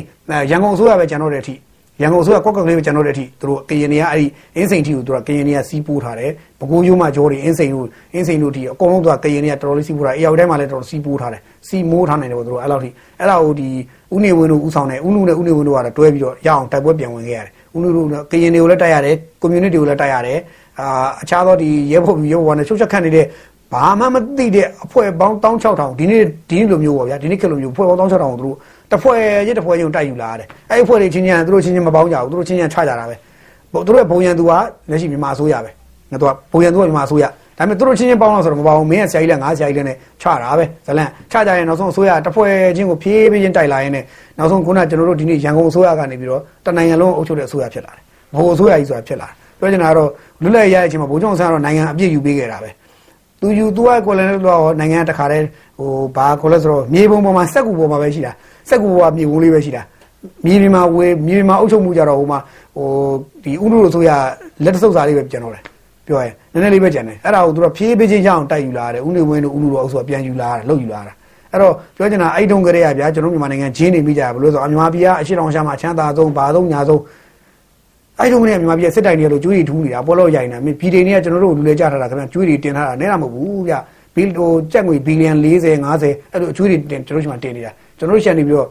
ကျွန်တော်နိုင်ငံသဘောတင်တဲ့အရေးမြစ်တွေလည်းယူသွားသေးတယ်တစ်တွေလည်းခုတ်သေးတယ်မျိုးစုံပေါ့ဗျာအကုန်သူတို့ရရတာရှိအကုန်ယူသွားသေးတယ်နောက်ဘရင်ဘရင်ရဲ့ဒီဘရက်ကြီးအစဘရင်ရဲ့ဒီဗရမ ्या ဗရမ ्या ကမောက်လို့နန်းစင်ဗရမ ्या ကြီးအစပြန်မပေးတော့ဘဲနဲ့ဗျာအဲ့လိုမျိုးတိုင်းပြည်ရဲ့ရတနာတွေကိုပြန်မပေးတော့ပဲယူသွားပြီးတော့မှ တကယ်လွတ်လိုက်လည်းပြန်လို့ပြီးကျွန်တော်တို့အခွန်ကြီးပဲပြန်ပေးခဲ့ပြီးတော့အကျွေးတွေနဲ့ထားရတာကျွန်တော်တို့အင်္ဂလိပ်တွေကအဲ့တော့အဲ့တုန်းကဥနေဝင်တို့ကအဲ့အကျွေးတွေတန်တရားတွေနဲ့ဥနုတို့ဥနေဝင်တို့ကအကျွေးတန်တရားတွေနဲ့ရုန်းကန်ပြီးတော့စူးစမ်းလာရတာဆိုလိုတာပြောနေတာအဲ့လိုစူးစမ်းပြီးမှလာရတာအဲ့ဒါကိုကျွန်တော်တို့အရှိတောင်အရှာမှာချမ်းသာသုံးလို့ပြောတာကတော့ကြီးတော့ကြီးစရာကောင်းတယ်တကယ်ချမ်းသာတာတော့ချမ်းသာတာမဟုတ်ဘူးအဲ့ချိန်အရှိတောင်အရှာတချို့နိုင်ငံတွေကသူ့ဟာသူတော်တဲစုပ်ဘဝမှာရှိနေတော့မူလကလေးရှိနေတာကျွန်တော်တို့ကဘာမှအဲ့တုန်းကသူတို့နိုင်ငံတွေစစ်မှမဖြစ်ကြတာမဖြစ်ဘဲနဲ့သူတို့ကစူးစမ်းလို့ရတဲ့အတွက်သူတို့ကစစ်မဖြစ်တဲ့အတွက်သူတို့ကတိုးတက်တာလို့ပြောလို့ရတယ်ဗျနော်အင်းဒီချင်းနိုင်ငံတွေကိုပြောတာပါ ဆိုတော့ဗျာဒီနိုင်ငံကစစ်မီးတွေကဘယ်လိုဆိုတော့ဒီလွတ်လပ်ရေးမရခင်ကတည်းကစစ်မီးတွေတွဲပါပြီးသား KNU စုဟာအဲ့တုန်းကတည်းကတောက်လျှောက်အစင်ဆိုင်တော်လာတာဟိုမြန်မာနိုင်ငံနေရာတော်များသူတို့စိုးမိုးနိုင်တာကနေတဖြည်းဖြည်းသူတို့ရဲ့နေရာစိုးမိုးနိုင်မှုဖြန့်ကျက်နိုင်မှုကတဖြည်းဖြည်းနဲ့ဒီဟိုတ िश ူးစာပေါ်ကြားတဲ့ရေစက်ယာယီကြားတဲ့အချိန်မှာကြကြချင်းမှာတော့တ िश ူးစာပေါ်ကြားတဲ့ရေစက်ကြကြချင်းမှာတော့တနေရာတော်များကွက်နေရာတော်များပြန့်နိုင်ပြီဆိုသွားတယ်နေဘူးထုတ်ထမ်းလိုက်တဲ့အခါမှာတော့တဖြည်းဖြည်းသူ့ရဲ့သူ့ရဲ့ဒီဟိုအစိုးရကပြစ်ပြေလာသလိုမျိုး KNU အုပ်စုကလည်းတဖြည်းဖြည်းနဲ့နေဆက်ကိုရွှေ့ရွှေ့သွားတာနောက်ဆုံးမှာရောက်တော့ပြီအခုလက်ရှိသူတို့ဌာနချုပ်နေရာတွေရောက်တော့လေးဝါတော့ဖြစ်ကုန်တာပေါ့ဗျာအဲ့တော့ဆိုတော့ဒီလိုမျိုးနဲ့သွားကြတာပေါ့နောက်ဆုံးမှာတော့သူတို့တတိုက်ပွဲတွေတိုင်းနဲ့သူမနိုင်တော့ပဲနောက်ဆုံးတော့ရွှေ့ရွှေ့ရွှေ့ပြီးဒီလိုရောက်သွားတယ်ပေါ့ဗျာအဲ့လို KNU ပေါ်လာတာအဲ့မှာဒီအားလုံးကဖြစ်တဲ့အချိန်မှာဒီကျွန်တော်အဲ့မှာနောက်ဒီနောက်ထပ်ဒီဘက်ပေါ့စောပါဘူးလို့ကြော်ပြီးဘူမြတို့လက်ထက်ရောက်လာပြီပေါ့ဗျာဟိုစောဘူမြဘူမြတို့လက်ထက်ရောက်မှလည်းအဲဘူမြတို့လက်ထက်မှာလည်းဘူမြတို့ကငင်းချိုင်းယူမယ်ဆိုသူတို့စူးစမ်းသေးတယ်ဘူဂျိုကြီးခင်ညုံနဲ့2004မှာသူတို့ဆွေးနွေးတယ်ဒါပေမဲ့ အာဆွေးနွေးပြီးတဲ့နောက်သိမကြခင်မှာပဲတခါငင်းချိုင်းကြီးပြန်ပြက်ပြေတယ်ပြက်ပြေတာပါပဲသူတို့ဂျားထဲမှာအချင်းချင်းဂျားထဲမှာကွဲတာပေါ့ဗျာအဲ့မှာဘာကွဲသွားလဲဆိုတော့ဟိုဒီဗုဒ္ဓဘာသာ DKB ရေပေါ့ဗျာဗုဒ္ဓဘာသာကရင်ဗုဒ္ဓဘာသာရေးရှိတာဟုတ်ဗျာရှိတော့ကရင်ဗုဒ္ဓဘာသာရဲ့ခေါင်းဆောင်ခေါင်းဆောင်တွေကသူတို့ဒီထဲမှာသူလွတ်လပ်ရေးဘာသာရေးလွတ်လပ်ခွင့်ပေါ့ဗျာကျွန်တော်တို့ဒီကရင်ဆိုခရစ်ယာန်များတယ်ခရစ်ယာန်တွေကဥဆောင်တာများတော့ဗုဒ္ဓဘာသာကရင်တွေကလည်းသူတို့ရှေ့သူတို့လောက်မဲ့လုပ်ငန်းစဉ်လုပ်လို့မရတဲ့အခါကျတော့ဒီဖျားဝဖျားစီရီတဲတာပါညာအဲ့ဒီလောခက်ခဲတာပေါ့ဗျာအဲ့ဒါမှလည်းသူတို့က နောက်ဆုံးတော့သူတို့လည်းခွတ်ထွက်မှာဆိုတော့သူတို့အချင်းချင်းသဘောထားဟောပြီးတော့ခွတ်ထွက်လိုက်တယ် DKB ဆိုပြီးတော့အဲ့မှာပေါ်လာတယ် DKB တိုးတက်တော့တိုးတက်သောဗုဒ္ဓဘာသာကရင်မျိုးသားတပ်ဖွဲ့ဆိုပြီးပေါ်လာတယ်အဲ့တော့မြိုင်ကြီးဦးဆရာတော်တို့ဘာလို့ကစပြီးဦးဆောင်ပြီးတော့လုပ်တာပေါ့ဗျာအဲ့မှာလဲဟို DKB ရဲ့စဦးစီးချုပ်တွေပါရှိတာပေါ့ဗျာထားတော့ပေါ့နော်ဟိုစေဦးစီးချုပ်တွေဆင့်ဆင့်ပေါ်လာတယ်ပေါ့အခုနောက်ဆုံးစေဦးစီးချုပ်တွေအထိပေါ့ဗျာပေါ်လာတယ်ပေါ့တဖြည်းဖြည်းချင်းအဲ့တော့ DKB ရဲ့တော့ဒါဗုဒ္ဓဘာသာကိုအခြေခံထားတဲ့ကရင်လက်နက်ကိုင်ဖွဲ့စည်း DKB ရဲ့တော့အဲ့တော့အဲ့မှာတခါ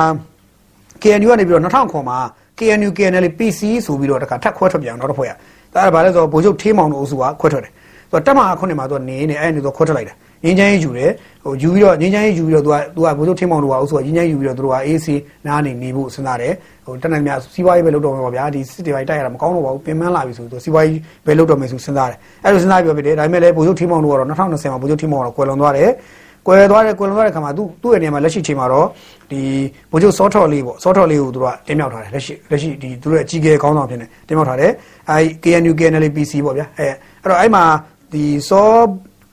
ဒီဟိုဘက်ကအုပ်စုပေါ့ကရင်ဘိုးမြရဲ့သားပေါ့ဘိုးမြရဲ့သားဖြစ်တဲ့ဘိုးမြတော့ကိုလည်းတော့ကြားပြီးတော့နော်အားလုံးသိတဲ့အတိုင်းဘိုးမြရဲ့သားစောနေဆိုးမြရဲ့စောနေရာမြနှစ်ယောက်ရှိတယ်နေရာမြဟိုဘက်မှာ နေဆိုးမြဒီဘက်မှာဒါပေမဲ့နေဆိုးမြကလည်းလွန်ခဲ့တဲ့ဟို2021ခုနှစ်မိနစ်ကဩဂုတ်လမှာပဲကိုဗစ်နဲ့ကိုလွန်သွားတယ်ဆိုတော့ဒီဘက်မှာတော့ DKB မှာတော့သူ့ရဲ့ခေါင်းဆောင်တွေတက်တက်ရှိတယ်ပေါ့ဗျာ DKB မှာတက်တက်ဒီနိုင်ငံရေးရဥဆောင်မဲ့သူစေးရဥဆောင်မဲ့လူတက်တက်ခွဲပြီးသားရှိတယ် KNU KNLPC မှာလည်းအဲ့လိုပဲနိုင်ငံရေးရစေးရဥဆောင်မဲ့လူတွေခွဲထားပြီးတက်တက်ရှိတယ်ဆိုတော့သူတို့က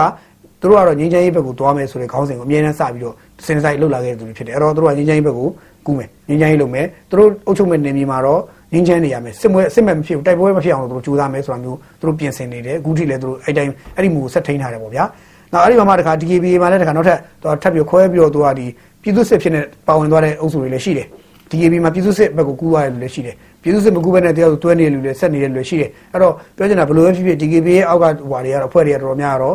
ဟိုစစ်တပ်နဲ့အစိုးရကြီးတွေကတော်တော်လေးကြာခဲ့ပြီးငင်းချမ်းယူပြီးတော့ သဘောထားညီညီနဲ့ရှေ့ဆက်နေကြတဲ့အထက်မှာပါတယ်တခါလေသဘောထားမတိုက်ဆိုင်မှုရှိရင်တော့လက်နက်နဲ့မဖြည့်ရှင်းမဲနဲ့အဲခေါင်းဆောင်ကြီးညီနိုင်တိုင်းမဖြည့်ရှင်းကြတဲ့ခေါင်းဆောင်ဆင်းဆင်းဖြည့်ရှင်းကြတဲ့ပုံစံသူတိဆောက်ထားတာကိုလည်းတွေ့ရတယ်ဒါကတော့ကရင်ကိစ္စပါဗျာအဲ့တော့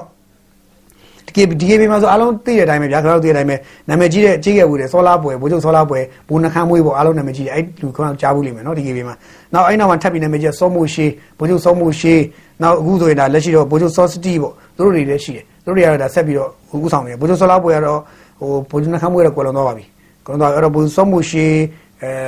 တော့ရှိသေးတယ်ထင်တယ်ကျွန်တော်လည်းရုပ်တရက်ဆိုတော့အဲ့အဲ့အချက်အဲ့ဘက်ကိုတခြားလိုက်ပြီးတော့ထပ်ပြီးတော့အခုထိထောက်လို့တော့မရသေးဘူးအခုထိတော့ကွယ်လွန်ဆိုတဲ့အကြောင်းတော့မတွေ့ရသေးဘူးเนาะအဲ့တော့နာမည်အေးစစ်တင်မျိုးနဲ့အေးစစ်နေလားတော့မသိဘူးကြာเนาะထားပါလေဆိုတော့အဲ့လိုဇလန်းလေးကအဲ့လို KNU မှာအဲ့လိုရှိတယ်အစတဲ့ KNU မှာလည်းကျွန်တော်ခုနဘိုးအစောပိုင်းပြောသလိုခဏခဏ KNU က အချင်းချင်းကြားထဲမှာလည်းဒီအကျိုးစီးပွားအရာကွဲတာရှိတယ်နောက်တစ်ခါဘာသာမတူမှုယူဆမတူမှုအတွေးခေါ်မှုများကွဲတာရှိတယ်ဆိုတော့ဒီဘက်မှာအမှားဖြစ်နေရှိနေတဲ့ DKB KNU KNL PC အုပ်စုကတချမ်းဖြစ်သွားပြီးတော့ဟိုမှာ KNU ရဲ့ KNDO KNL ဆိုအုပ်စုကတက်တက်တခါရှိပြန်အောင်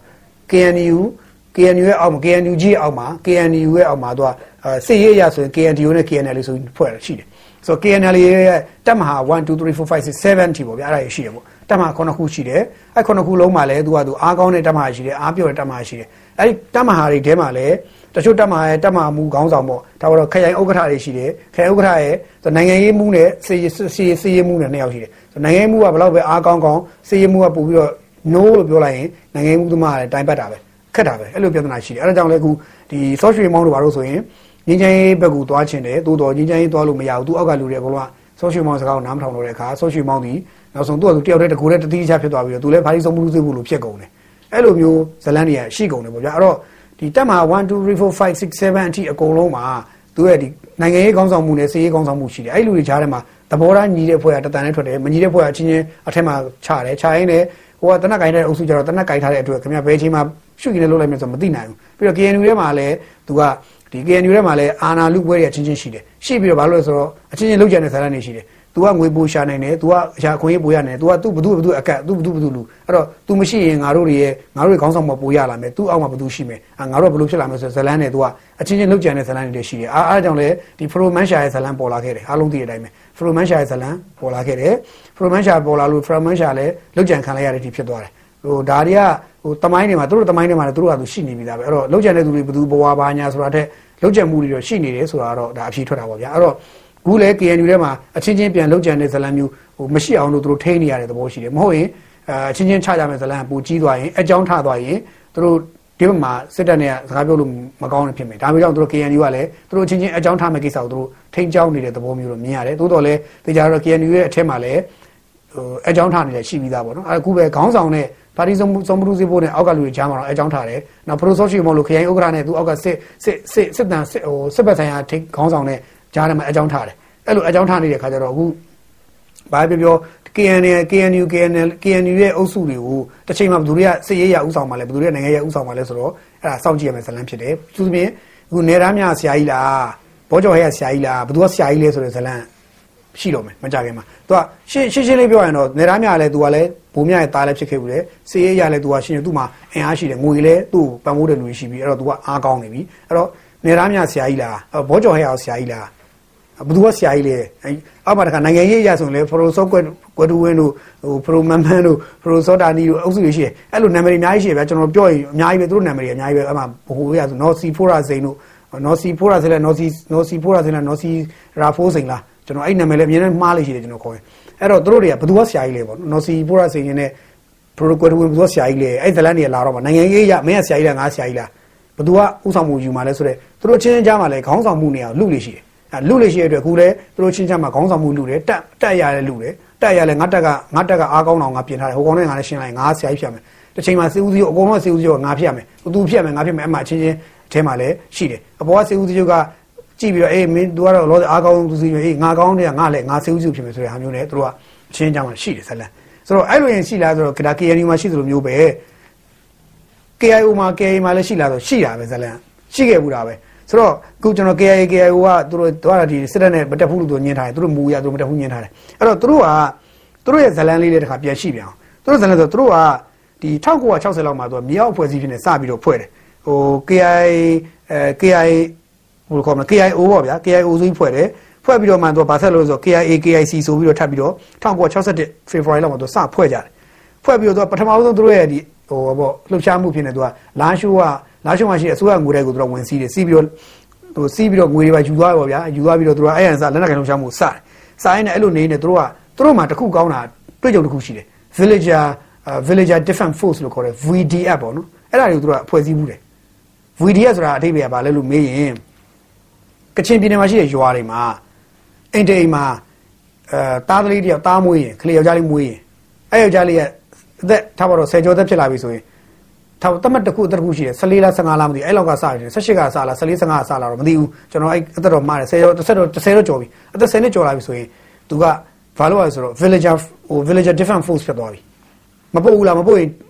အဲ့မိသားစုဒုက္ခပို့တာပြင်ထား သူကကချင်အမျိုးသားလုံးမြောက်ရေးသူကချင်ဘာရေးညာရေးပေါ့ဗျာအမျိုးသားရေးဆိုခေါင်းစဉ်နဲ့သူကရှင်းရှင်းလေးအဲ့လူကသူကလက်နက်ကင်တပ်ဖွဲ့ဝင်တွေကိုတွားပြီးတော့ KIA တွေကိုတွားပြီးတော့စစ်ပညာသင်ရတယ်စစ်တနက်တင်ရတယ်တနက်ပြစ်လစ်ကျင်ရတယ်ဘာညာပေါ့ဗျာအဲစစ်ပညာကုန်သင်ပြီးတော့မှသူတို့ကအတိုက်အတာတခုတည်းသူတို့ကရွာတွေမှာပြန်လာပြီးတော့ကျောင်းတွေတက်ဘာညာတွေတက်တက္ကသိုလ်တွေတက်ဘာအကုန်လုပ်လို့ရတယ်ဒါပေမဲ့သူတို့ဟာဒီ KIA ကအလိုရှိတဲ့အခါကျရင်စစ်သားတာမန်ချိန်မှာရွာသားအဲ့လိုသူတို့နှစ်ချမ်းနေလို့ရတယ်အဲ့ဒါ ဟို villager defense force ပုံစံမျိုးသူတို့ကစကြရဖွဲ့စည်းတည်ထောင်ခဲ့တယ်1962 62 3လောက်တည်းသူတို့အဲ့ဒီစပြင်ခဲ့တာ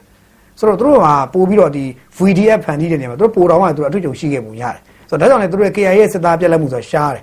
ပြီးတော့သူကမျိုးဆက်လူဆိုတာတနေ့တနေ့မွေးပို့ပို့မွေးလာလေတနေ့တနေ့လူကပိုးပဲများလာတာ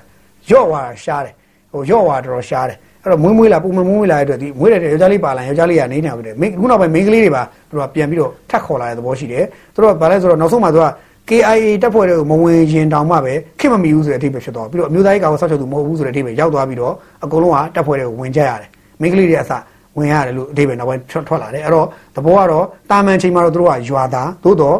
လိုအပ်လို့စစ်တိုက်ရလို့မဆိုစစ်သားဖြစ်သွားတယ် KIA စစ်သားဖြစ်သွားတယ်ဆိုတော့အဲ့တော့ဟိုအဲကြောင့်လဲခုနဒီစစ်တပ်စစ်ကြောင်းတွေထိတ်တိုက်တွေ့တဲ့ခါကြလို့ရှိရင်ဟိုရွာသားမမသိစစ်သားမမသိတွေဖြစ်ကုန်တာစစ်သားတွေဒီစစ်တပ်ကမြန်မာဒီစစ်တပ်ရဲ့စစ်ကြောင်းတွေကသွားတဲ့ခါသူကရွာသားလားစစ်သားလားမကွဲတော့ဘူးအဲ့တော့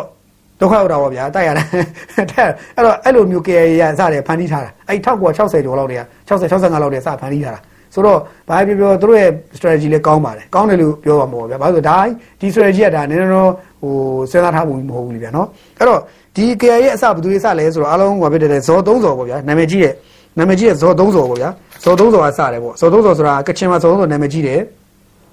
1963လောက်မှာသူတို့ကဒီအင်အား2000ကျော်ရှိလာတဲ့ ရှိလာတယ်အဲဇော်3ဇော်ကဘယ်သူလဲဆိုတော့ဇော်ဆိုင်ဇော်ဒန်ဇော်2ပေါ့အဲသူတို့၃ယောက်ရှိတယ်အဲ့ဒီနေမှာသူတို့ကတဖြည်းဖြည်းနဲ့သူတို့ဒီအင်အားကြီးလာရင်လည်းစစ်တပ်အင်အားကြီးလာတဲ့အချိန်မှာပဲစစ်တပ်နဲ့လည်းသူတို့ထိတိုက်တွေ့ရအောင်တွေ့ရတော့တိုက်ရတာပေါ့စစ်တပ်နဲ့နောက်စစ်တပ်ကဒီအဖွဲ့အင်အားကြီးလာပြီးမဖြစ်ဘူးဆိုတိုက်မှကျစစ်ကြောင်းတွေထိုးတာပေါ့အဲ့ခေတ်ခါစစ်ကြောင်းထိုးတဲ့အချိန်မှာ1965လောက်လဲကြာ50 65 66လောက်လောက်ရောက်တော့ဒီအဲ့ဇော်ဆိုင်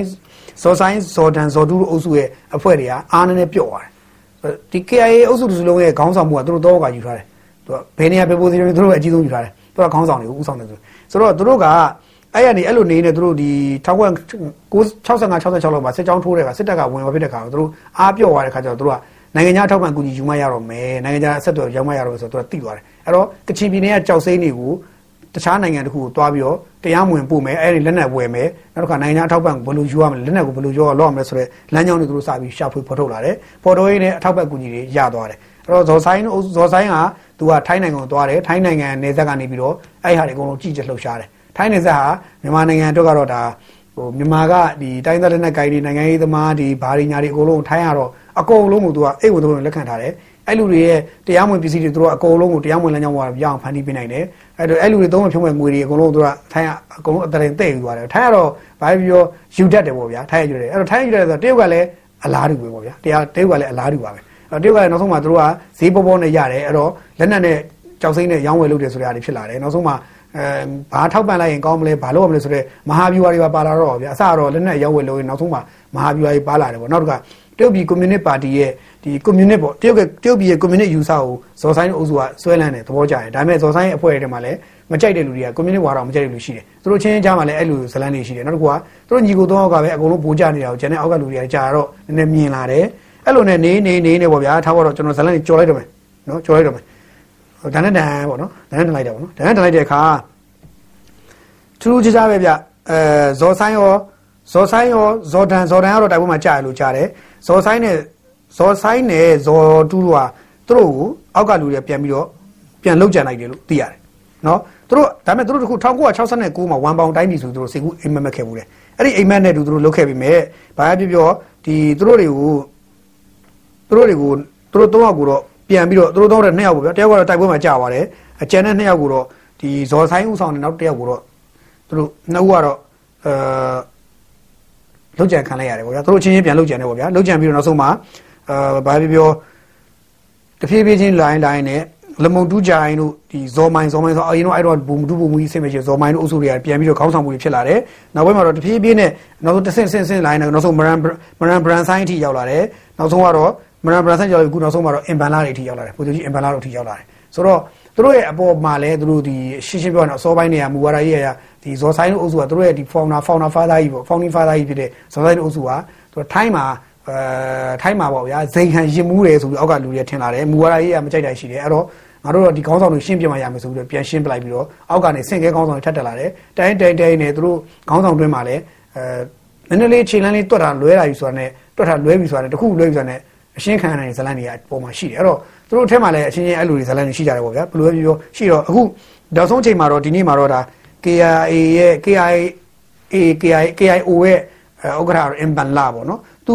အာသူ့ရဲ့ဒီစေဦးစီးချုပ်ကတော့ဗိုလ်ချုပ်ဂွမ်မော်ပေါ့နော်အဲ့လိုဂွမ်မော်ဖြစ်သွားတယ်ဆိုတော့ဘာပြောသူတို့အဲ့လိုမျိုးဖြစ်လာပြီးဒီနေ့ဒီချိန်မှာသူတို့လည်းအဲသဘောထားသူတို့သူတို့မူဝါဒရေးရအရာသူတို့ကင်ဆွဲထားတဲ့ပုံစံလေးလေးတော်တော်ကောင်းတာတွေ့ရတယ်ဥပမာသူတို့ကသူတို့ကသူတို့ဒီကချင်ပြည်နယ်ထဲမှာပဲအဲကိုယ်တိုင်လက်နက်ထုတ်နိုင်အောင်ကြိုးစားတယ်ကိုယ်တိုင်လက်နက်ထုတ်နိုင်တဲ့ကြီးဆိုင်ထုတ်နိုင်ရမယ်လက်နက်ထုတ်နိုင်ရမယ်ပြီးရင်ငွေကြေးပြက်လက်မှုမရှိအောင် ဟိုငွေကြေးဝင်ငွေလမ်းကြောင်းတွေတကားတွေကိုတက်တက်ဖွင့်ထားနေတာတွေ့ရတယ်နိုင်ငံတကာထောက်ပံ့တွေကိုဖွင့်ထားနေတာတွေ့ရတယ်အဲ့တော့ဘာပြော KIA ကတော်တော်လေးကိုသူတို့ကပပနဲ့နဲ့နောက်ပိုင်းလူတွေကပိုပြီးပါနတ်စွာနဲ့ကင်တွေလုတ်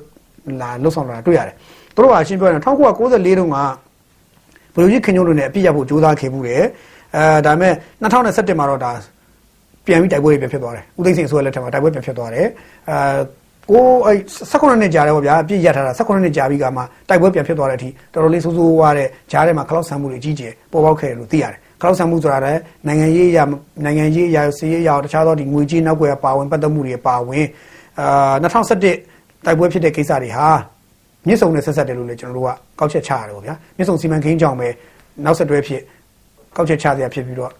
တိုက်ပွဲအကြီးကျယ်ပြန်ဖြစ်တယ်အဲ့တော့နောက်ဆုံးတော့ဘာဖြစ်လာလဲဆိုတော့ဒီနေ့မြေပြင်အခြေအနေ ဖြစ်လာတယ်ပေါ့ဗျာအဲ့တော့ဒီနေ့အခြေအနေကြီးတော့ဒါငင်းချမ်းရေးကဆွေးနွေးလို့မရနိုင်တဲ့အနေထားတော့တွေ့ရတယ်နော်အဲ့လိုတော့ရှိပါတယ်အဲ့တော့ကျွန်တော်တို့ဒီနေ့အဲ့ဒါအဲ့ဒါတွေအဓိကပြောခြင်းအပြင်တမိုင်းမာတဲ့ကတမိုင်းမာတဲ့ဒီအဖွဲ့အစည်းအားလုံးဟာအဖွဲ့အစည်းအားလုံးနဲ့တကယ်ဟွာတွေအားလုံးဟာဒီဖြစ်ဖြစ်တည်လာမှုတွေကအလဟတာဖြစ်တည်လာတာမဟုတ်ဘူးပြီးတော့သူတို့မှာနောက်ွယ်မှာမြုပ်နေတဲ့အကြောင်းတရားတွေများစွာရှိတယ်ဒီကျွန်တော်ပြောဆိုချက်တွေကနေတချို့ဟာတွေစဉ်းစားစေချင်တယ်စဉ်းစားသိကြည့်တယ်ပေါ့နော်အဲ့တော့ငင်းချိုင်းဆွေးနွေးပွဲကိုတက်တဲ့သူတွေနဲ့မတက်တဲ့သူတွေနဲ့ဘာကွာသွားမလဲမင်းတက်တဲ့သူတွေနဲ့တော့သူကတတ်နိုင်သမျှသူတို့ ဟိုပြည်နယ်တွေမှာခွဲဝေအုပ်ချုပ်ရေးကိစ္စတွေအာဏာခွဲဝေအုပ်ချုပ်ရေးကိစ္စတွေနဲ့ပြည်နယ်တွေရဲ့ရပိုင်ခွင့်တွေတိုင်းသားရပိုင်ခွင့်တွေခွင့်တွေကပို့ပြီးပွင့်လန်းလာဖို့များနိုင်တယ်ပေါ့အဲ့တော့မတက်တဲ့ဖွဲ့တွေနဲ့ဘာဆက်ဖြစ်မလဲဆိုတော့မူဝါဒရေးရညှင်းနိုင်တော့ဆိုတိုက်တာခိုက်ရလည်းပြန်ဖြစ်လာနိုင်တယ်အဲ့တော့တိုက်ပွဲတွေလည်းပြန်ဖြစ်လာနိုင်ကြီးရှိတယ်အဲ့တော့ဘလို့ပြောပြောတိုက်ပွဲတွေကတော့ကျွန်တော်နိုင်ငံမစိမ့်ပါဘူး40ခွန်မတိုင်ခင်တည်းကတိုက်ပွဲတွေရှိခဲ့တယ်40ခွန်မှလည်းရှိတယ်ဒီနောက်မှာတောင်းတော့တိုက်လာတာ290ကျော်ဖြစ်တဲ့တိုက်ပွဲနဲ့ကျွန်တော်တို့မြန်မာမြန်မာကကင်းလေးမရှိတဲ့နိုင်ငံဆိုတော့အာ ပိုးတော့ထူးခြားနေတော့မရှိဘူးဗျာဒါပေမဲ့ဒီနေ့လိုမျိုးခကြီးကတော့ပို့ပြီးတော့ကြောက်စရာကောင်းတယ်လို့ခေါ်ပါတယ်သို့တော်လည်းနောက်ဆုံးမှာတော့ကျွန်တော်ပြန်စဉ်းစားကြည့်တဲ့အခါကျတော့အဲဘယ်လိုပဲဘာတွေပဲလောက်ကြလောက်ကြဘယ်လိုပဲလောက်ကြလောက်ကြအချိန်တိုင်းအားလုံးကဘာလို့ဆိုအသက်တွေကြီးလာမယ်တိုင်းခိုင်နေကြည့်မယ်တနေရာမို့တနေရာမှာသေမယ်တစ်ချိန်ခါမို့တစ်ချိန်ခါမှာသေမယ်တနည်းနည်းမို့တနည်းနဲ့သေမယ်တိုင်းခိုင်နေလည်းသေမယ်ဘယ်နည်းနဲ့သေမယ်မှမသိဘူးသေမယ်အဲ့လိုနေနေနေတော့ကျွန်တော်အသက်တွေကြီးလာကြမှာဖြစ်တယ်ကျွန်တော်တို့ကြီးလာတဲ့အခါထိလေ ခြံခဲ့တာကကျွန်တော်တို့ခြံခဲ့တာကဘာလဲဆိုတိုင်းပြည်ကအစုပ်ပလုတ်ကြီးဖြစ်နေခြံခဲ့ကြတယ်ဆိုတာမျိုးဖြစ်သွားနိုင်ပါတယ်အဲ့တော့တိုင်းပြည်ကိုအစုပ်ပလုတ်ကြီးဖြစ်နေခြံခဲ့မှာလားဒါမှမဟုတ်တိုင်းပြည်ကိုတည်ငြိမ်အေးချမ်းတဲ့နိုင်ငံတစ်ခုခြံခဲ့မှာလားဆိုတာကတည်ဆဲနိုင်ငံရေးကောင်းဆောင်တွေစစ်ရေးကောင်းဆောင်တွေတိုင်းသားကောင်းဆောင်တွေရဲ့